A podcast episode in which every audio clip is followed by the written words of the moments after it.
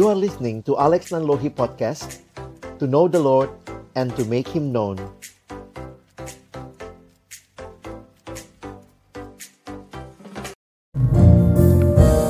Mari sebelum membaca merenungkan firman kita berdoa.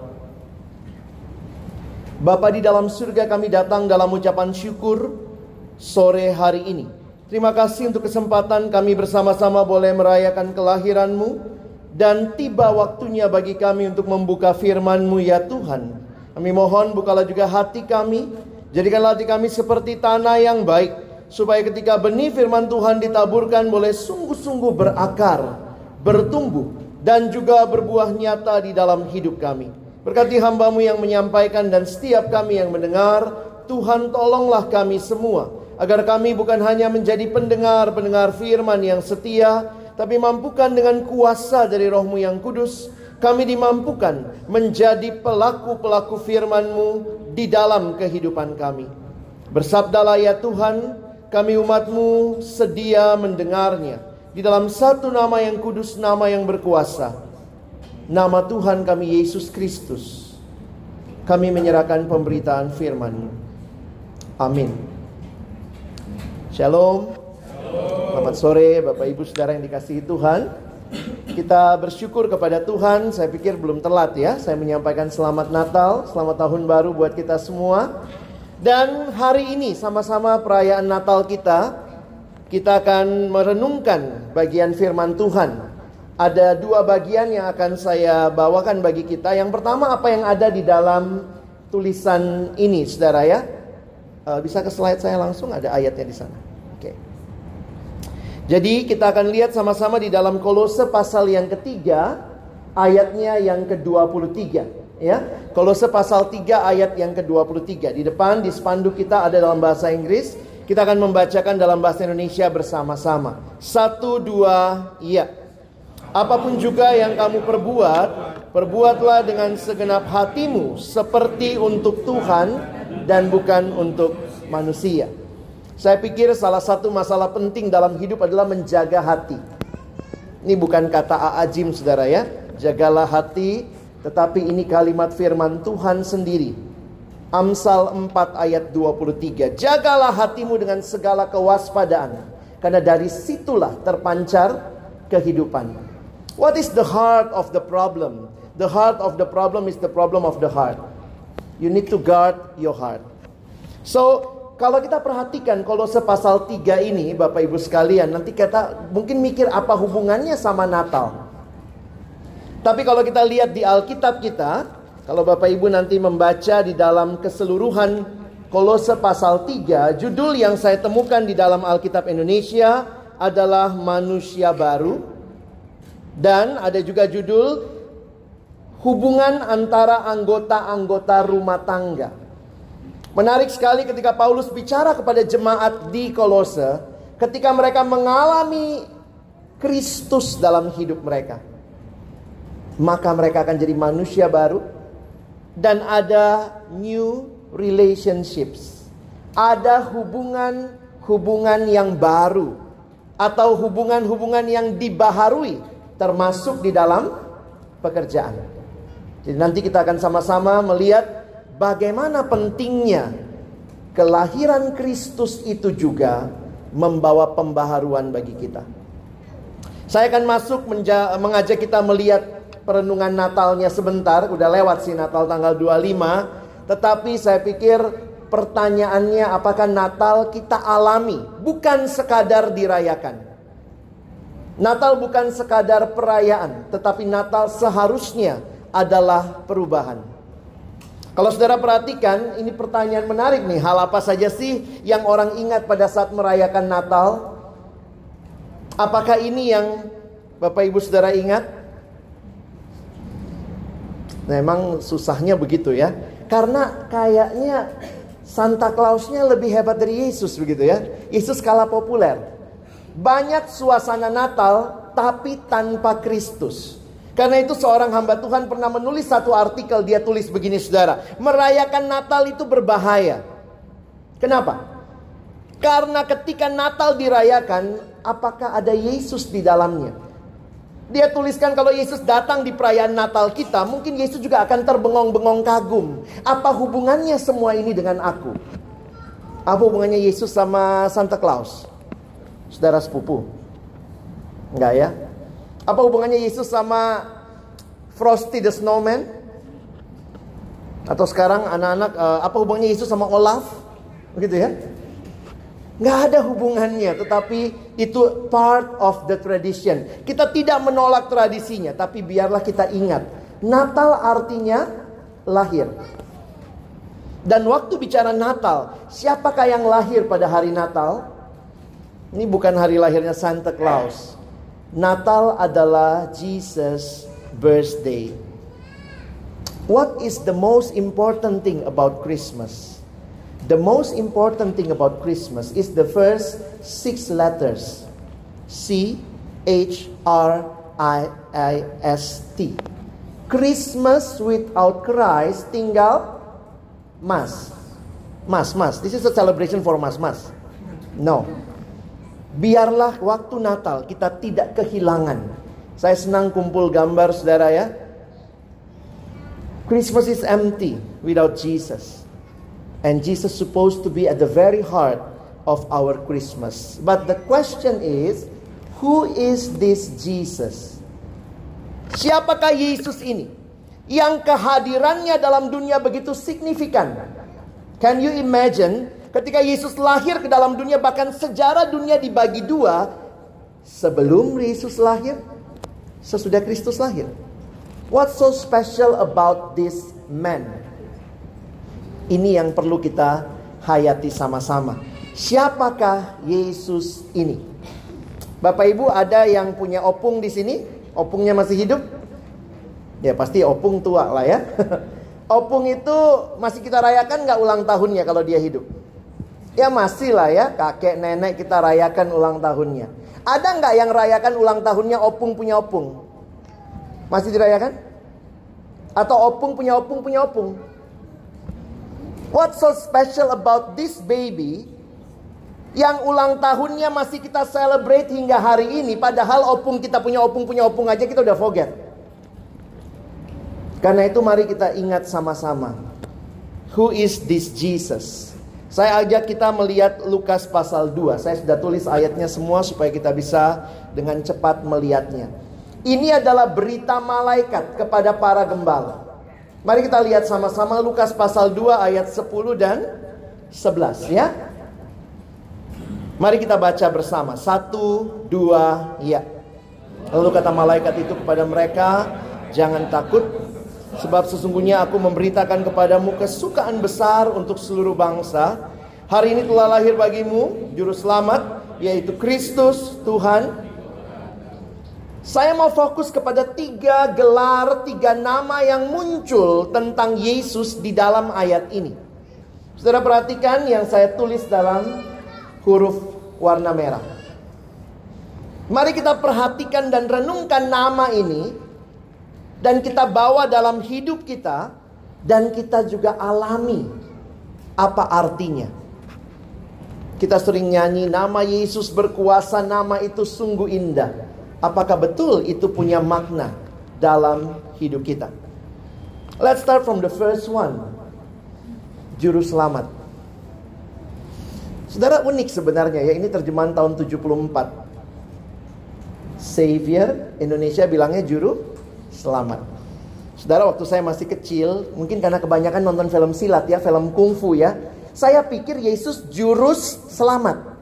Kan ada jurus bangau, ada jurus elang. Nah, Yesus jurus selamat. Apa artinya jurus selamat? Saudara, ada hal yang menarik untuk kita perhatikan. Kalau ada kata juru, sebenarnya itu artinya orang yang ahli. Jadi dalam hal menyelamatkan, siapa yang paling ahli? Juru selamat. Sehingga coba saudara perhatikan sebentar, berita malaikat ini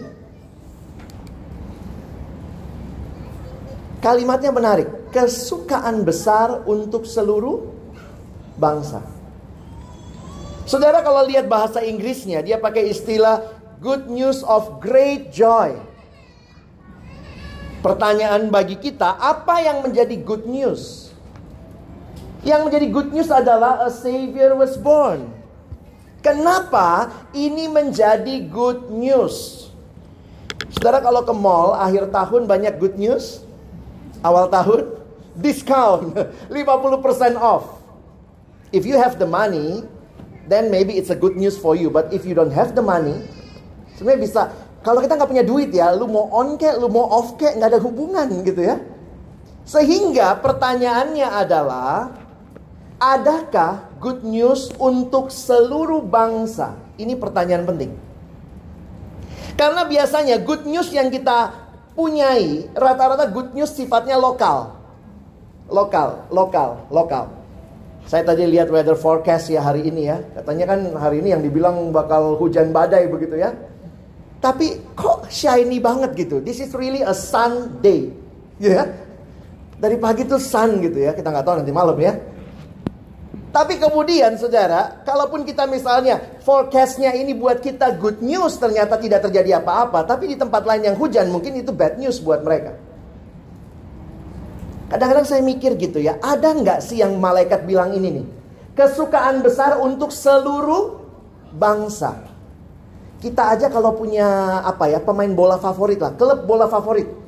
Liverpool Liverpool menang. Sorry ya, nggak saya Mungkin anggap aja Liverpool menang lawan apa deh? Uh, Manchester City. Is it a good news?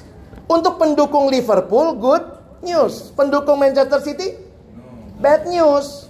Jadi pertanyaannya apa sih berita yang sungguh-sungguh good news for the whole nation? Ini jadi menarik saudara ya. Karena apa? Somehow, if you want to know the good news, maybe you should realize what is the bad news. Kalau saudara tidak tahu bad newsnya apa, maka waktu good news diperdengarkan buat kita, it's nothing. Tapi waktu kita tahu ada bad news, maka ketika ada news yang diberikan, it will be a good news. Alkitab sangat jelas memberikan kepada kita bad news, ngeri juga ya. Apa berita yang paling sedih di Alkitab? Bukan harga minyak menurun gitu ya bukan perubahan iklim, global warming. Berita paling menyedihkan di Alkitab adalah semua manusia berdosa dan kehilangan kemuliaan Allah. Siapa yang berdosa, saudara? Semua. Inilah berita duka cita terbesar untuk seluruh bangsa. Dan dilanjutkan Roma 6:23, upah dosa adalah maut. Ini sebuah realita. Bicara tentang dosa, inilah realita manusia. Tidak penting saudara pintar, saudara mungkin tua, muda, dosa melanda seluruh umat manusia. Ada kutipan ini. Waktu saya baca, saya renungkan, ya benar juga ya. Dosa berakhir pada hopeless end.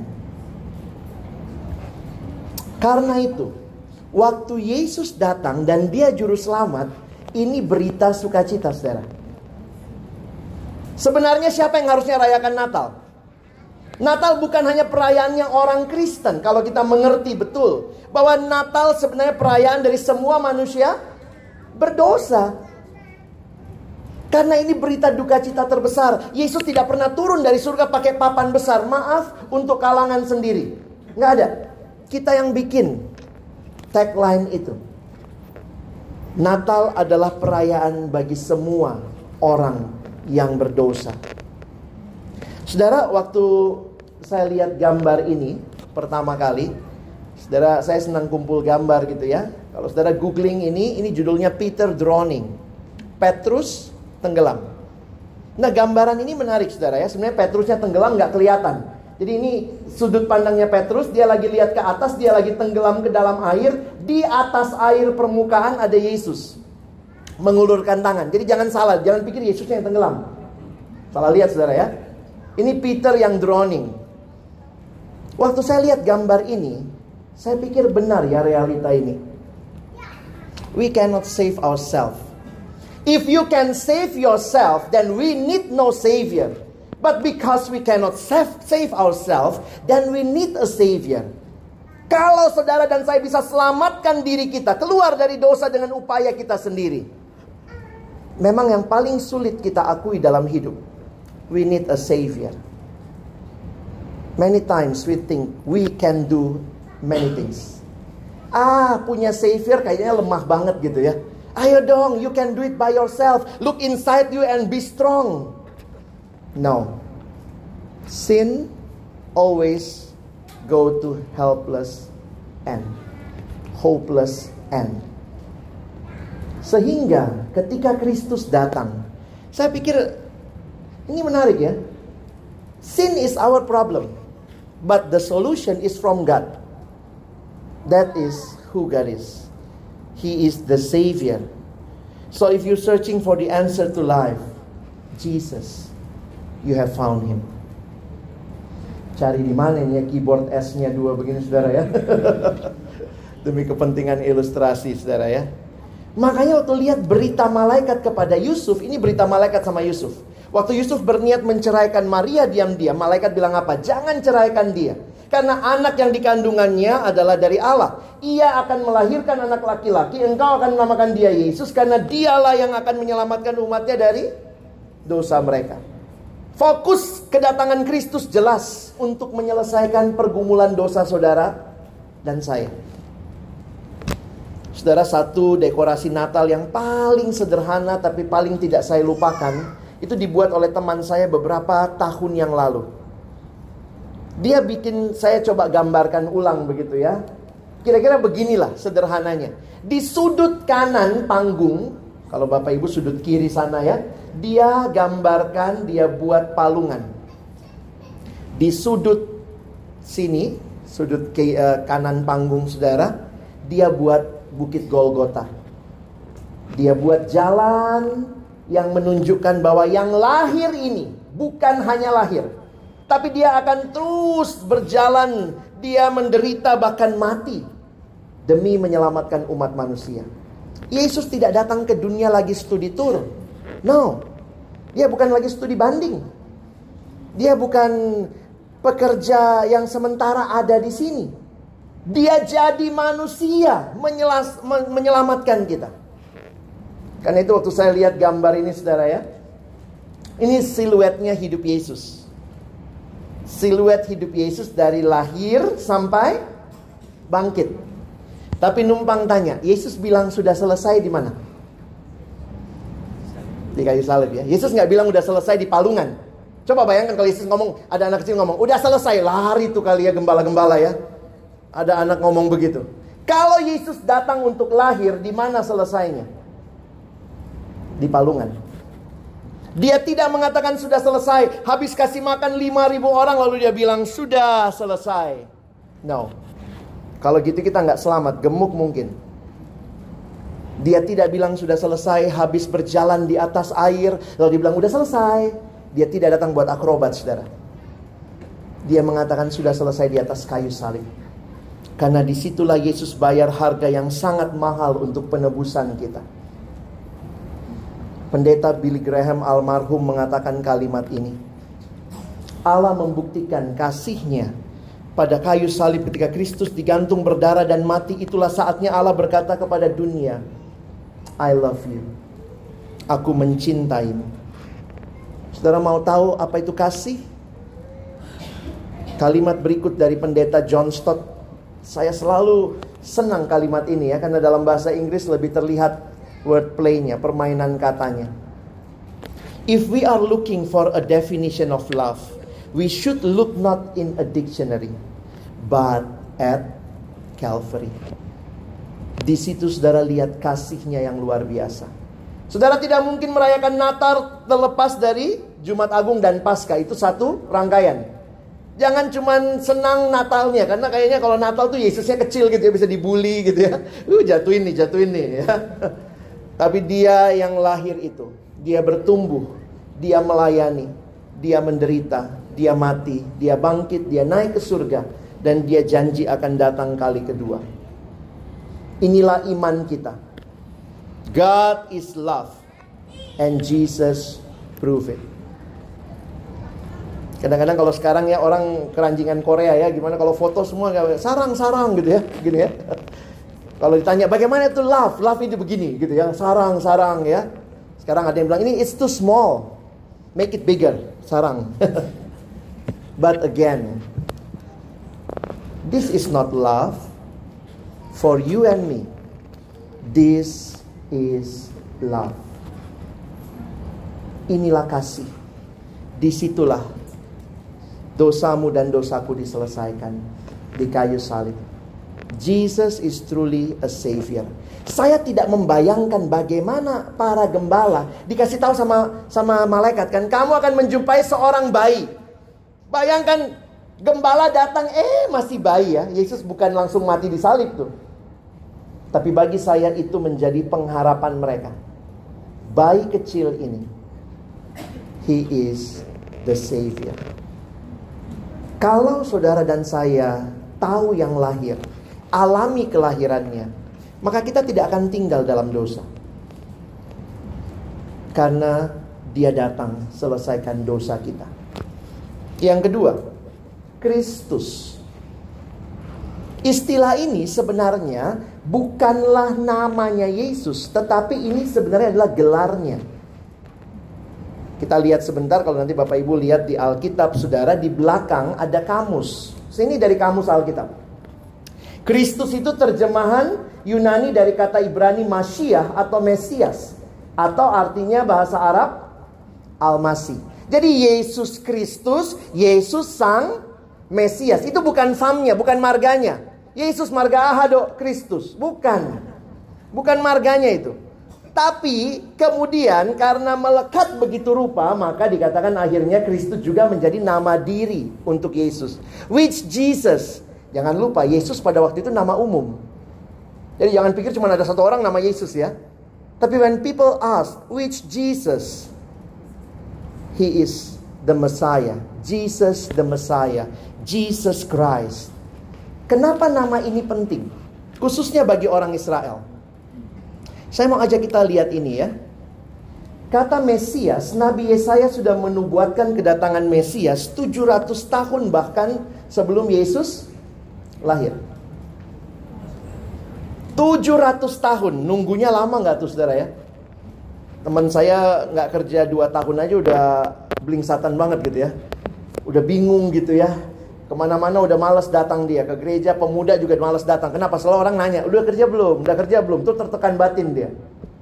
Dia pernah tanya sama saya, bang, kok lama banget penantianku ya? Israel menanti 700 tahun. Somehow kalau menanti 700 tahun, mungkin kita pikir yang berjanji udah bohong nih. Ya, karena itu lihat ayat ini. Galatia 4, Paulus mengatakan tetapi setelah genap waktunya. Tuhan tidak pernah terlambat, saudara.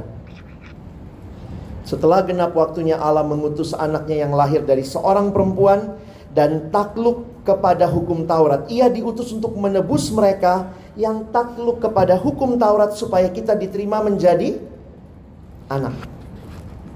Petrus mengatakan kalimat yang lain. Tuhan tidak lalai menepati janjinya. Sekalipun ada orang yang menganggapnya sebagai kelalaian, tetapi ia sabar terhadap kamu karena ia menghendaki supaya jangan ada yang binasa, melainkan supaya semua orang berbalik dan bertobat. Indah pada waktunya. Nama Kristus, betul dia penyelamat, tapi di dalam waktunya Allah.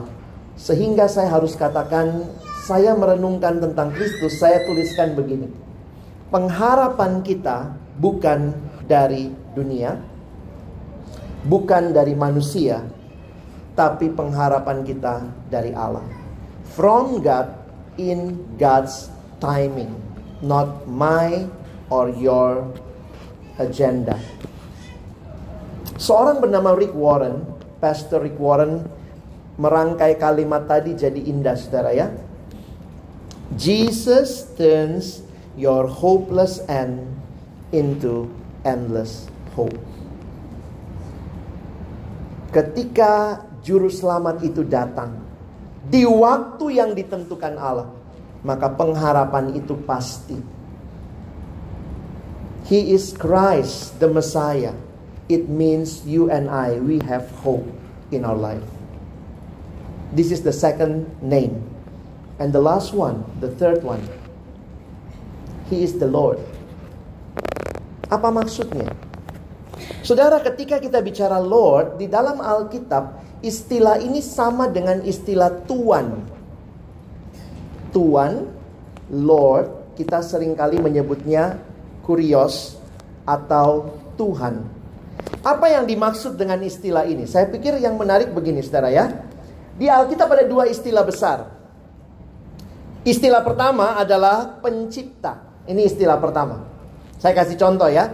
Kalau saya cipta benda ini saudara, ini namanya pointer ya. Kalau saya cipta benda ini, maka pertama kali benda ini dicipta punya siapa saudara?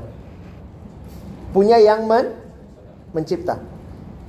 Jadi langsung tahu ya kalau saya cipta benda ini maka ini milik penciptanya. Mungkin saudara bilang tapi kan Pak bisa dijual. Tahan dulu otak dagangnya ya.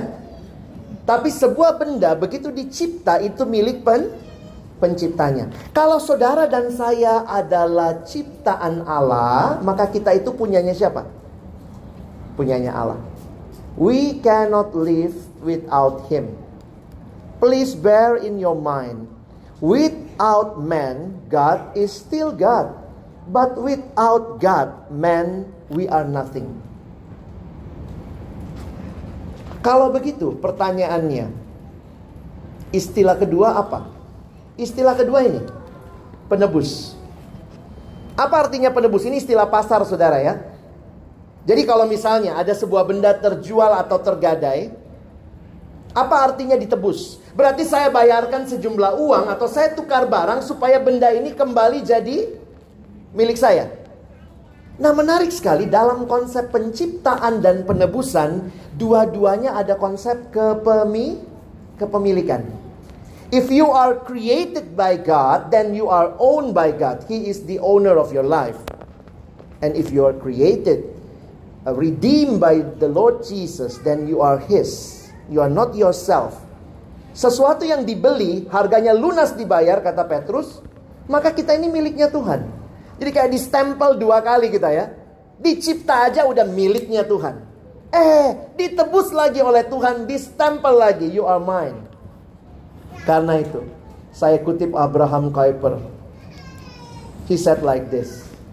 There is not a square inch in the whole domain of our human existence over which Christ, who is sovereign over all, doesn't cry, mine.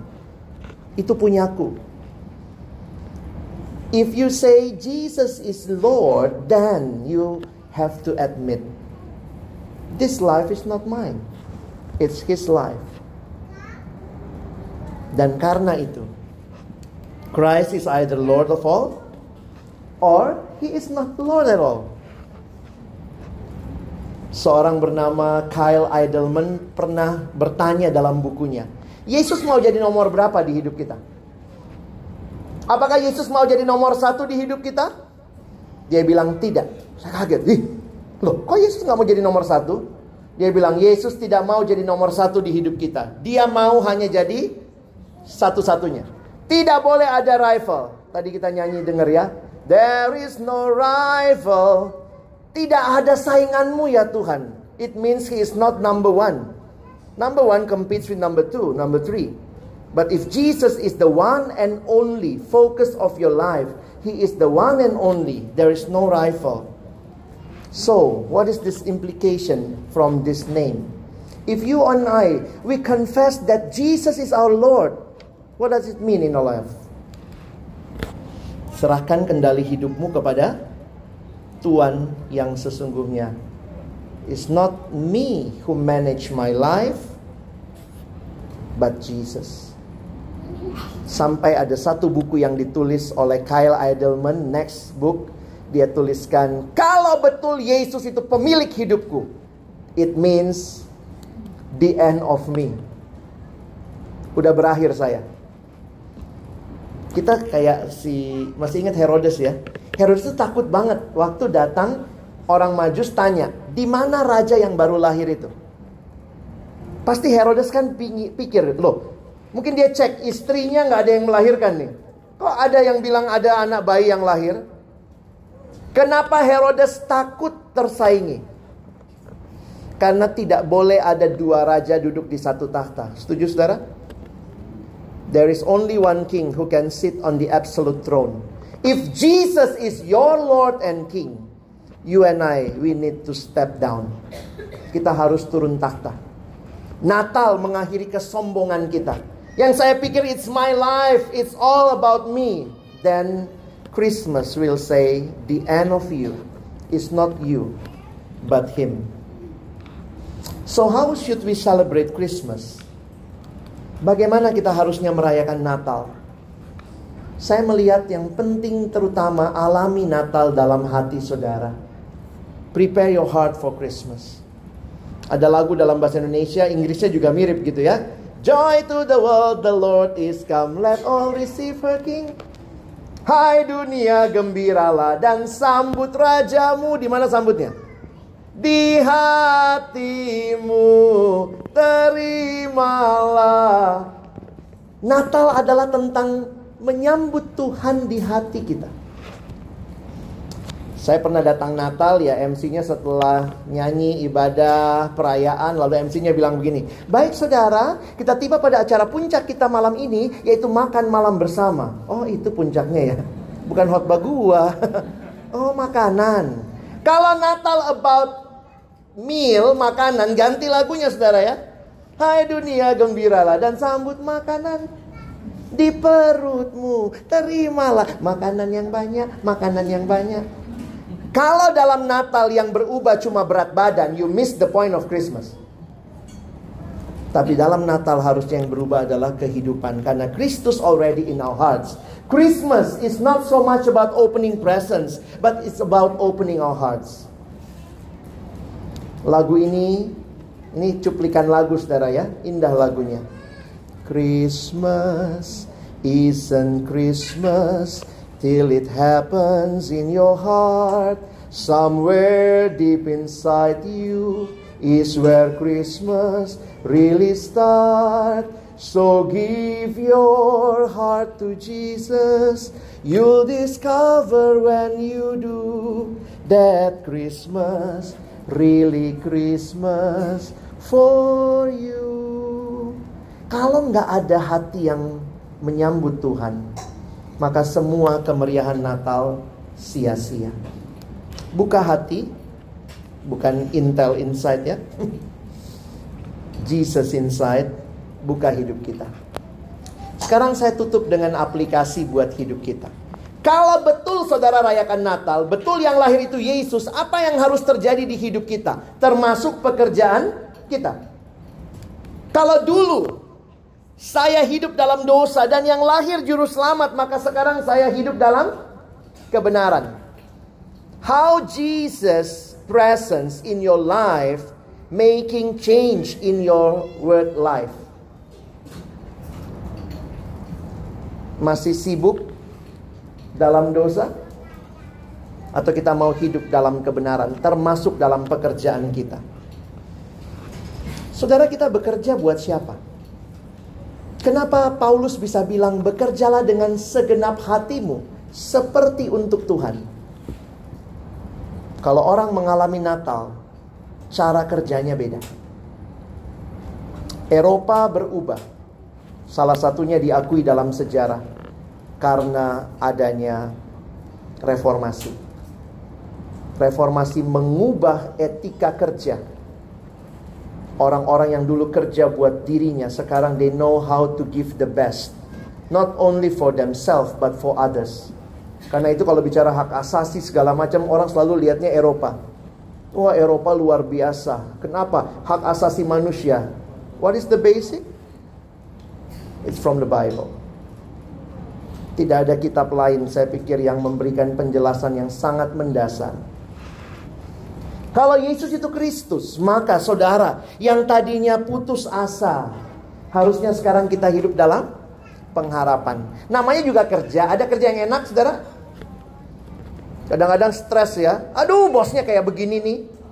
Jadi kalau masuk kerja sibuk ngomongin bos. Jadi Bapak Ibu yang bos mungkin puji Tuhan banyak yang suka ngomongin saudara nih.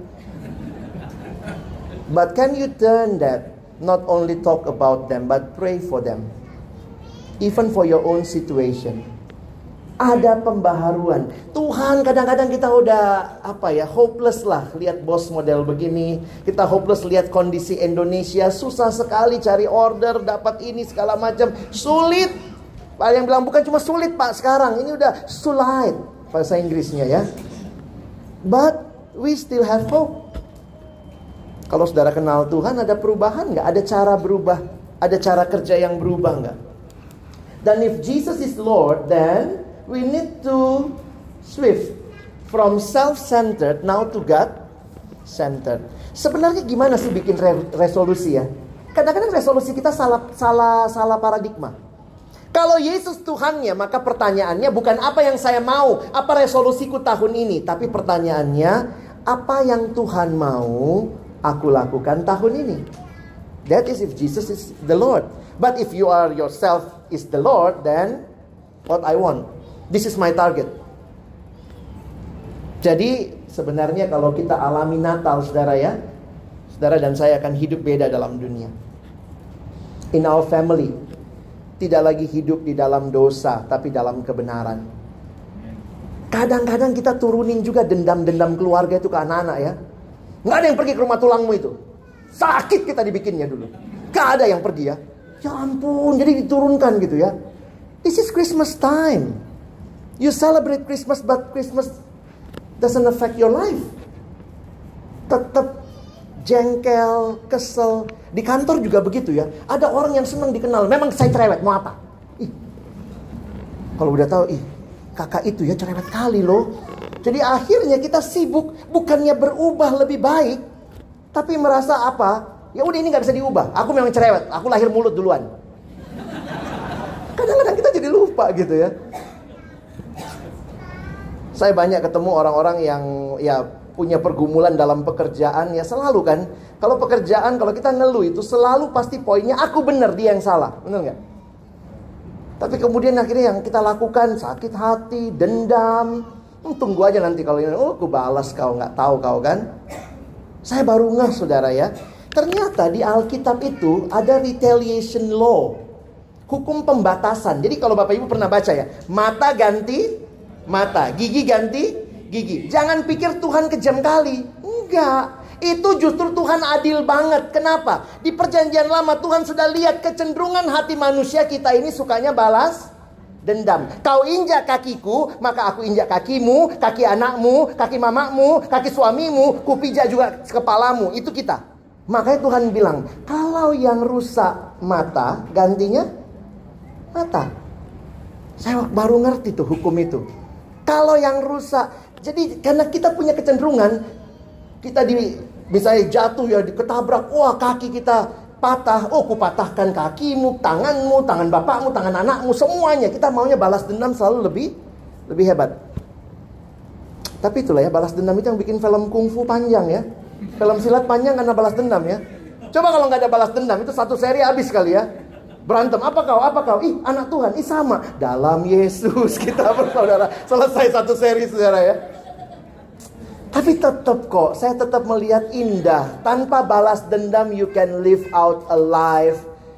Glorify God. Mari periksa hidup kita. Yang mana masih dalam dosa? Ya. Yang kedua, kehidupan pergaulan. Ya, kita di pergaulan saya pikir juga mari punya pengharapan. Memang ada yang bilang gini ya, yang nyakitin kita itu siapa? Justru orang yang dekat, benar nggak saudara? Jadi kadang-kadang kalau saudara merasa sakit sama orang itu, itu berarti saudara punya hubungan tuh. Itu kata dosen psikologi saya begini, orang yang menyakiti kita biasanya karena dia dekat sama kita. Saya kasih contoh begini, ada bapak ibu yang minggu lalu ini disakiti oleh Donald Trump. No, he's too far away. Yang sakitin kita siapa? suami, istri, teman kerja, anak, mertua gitu ya. Jadi saya pikir iya ya. Dalam pergaulan kadang-kadang sakit hati itu ada juga gitu kan.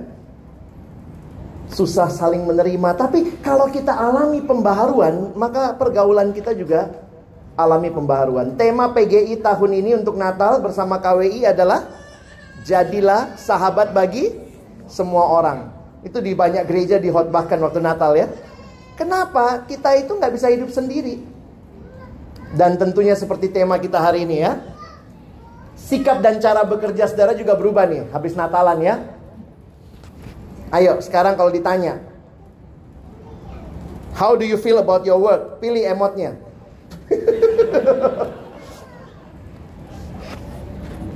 Somehow waktu habis rayakan Natal, ayatnya mengatakan kalau kamu dalam Kristus, Yesus lahir di hatimu, He is Savior.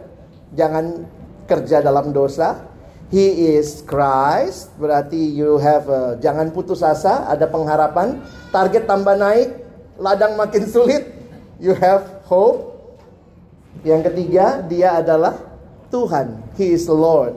You need to surrender the whole world to him. Menarik kalimat bahasa Inggris ya. Whatever you do, work at it with all your heart. Bahasa Indonesia mengatakan lakukan dengan segenap hatimu seperti untuk Tuhan dan bukan untuk manusia. Saudara kayaknya kalau dapat pesan begini, wih hebat banget ya. Tahun ini luar biasa kerjaanku ya. Terus besok balik eh dia lagi bosnya. Masuk lagi kondisinya, tambah lagi targetnya. Kayak nggak tahu diri aja orang ini gitu ya. Saudara, saya ingin tutup dengan memberikan realita. We have hope, but at many times, sometimes, Tuhan belum ubah situasinya. Kadang-kadang Tuhan belum tentu ubah situasinya. Tapi ingat, Tuhan sedang mengubah saudara dan saya. Sometimes God doesn't change your situation because He's trying to change your heart. Maybe that is the most important. Tuhan kenapa masih dia bosku? Tuhan bilang biar kau sabar. Jadi ternyata saudara mesti bersyukur. Terima kasih Tuhan. Dia nolong aku sabar. Ada orang datang sama saya, Kak, saya kesel nih kak. Dia masuk pelayanan saudara ya. Saya masuk pelayanan, saya pikir suasananya surgawi kak Alex. Ternyata suasana pelayanan nerakawi. Kenapa? Ketemu satu orang yang selalu apa? Ciong katanya ya. Kalau satu ngomong begini, satu bilang nggak begitu, begini nggak begitu gitu ya. Terus kemudian dia datang sama saya, saya bilang, apa keputusanmu? Saya mau keluar aja dari, dari pengurus itu. Saya bilang sama dia, kau pernah doa minta kesabaran? Pernah kak. Ini jawabannya. Jangan lari kau. Kau doa loh, minta Tuhan kasih saya kesabaran. Gimana? Tuhan bilang, kasihlah kau orang yang bikin kau nggak sabaran. Ya tentu saudara belajarlah untuk melihat juga. Belum tentu Tuhan langsung ubah semuanya. Tapi pada situasi ini, mungkin yang sedang Tuhan ubah adalah saudara. Saudara bisa bekerja dengan benar karena Yesus Juru Selamat. Saudara bisa bekerja dengan pengharapan karena Dia Kristus. Saudara bisa bekerja dengan penyerahan diri sepenuhnya because He is our God, our Lord. Merry Christmas to you. I hope this will be a challenge for you this new year to really acknowledge Jesus as your Savior the Messiah, Christ the Messiah, and He is the Lord. Open your hearts, receive Him in your life. Amen. Let us pray. Father God, we thank you for this wonderful opportunity to listen to your words. We pray that help us not only to listen, to be the listener of your words, but also to be the doers of your words. We pray in our life, we really can submit the whole of our life to you and only you. We thank you again. We can celebrate Christmas together. Christmas is not only a celebration, but Christmas is the changing of hearts. And we pray that all of us here, we will experience this in our life. We thank you, Lord, for this opportunity. We praise and also pray to you in the most precious name, Jesus Christ. Amen.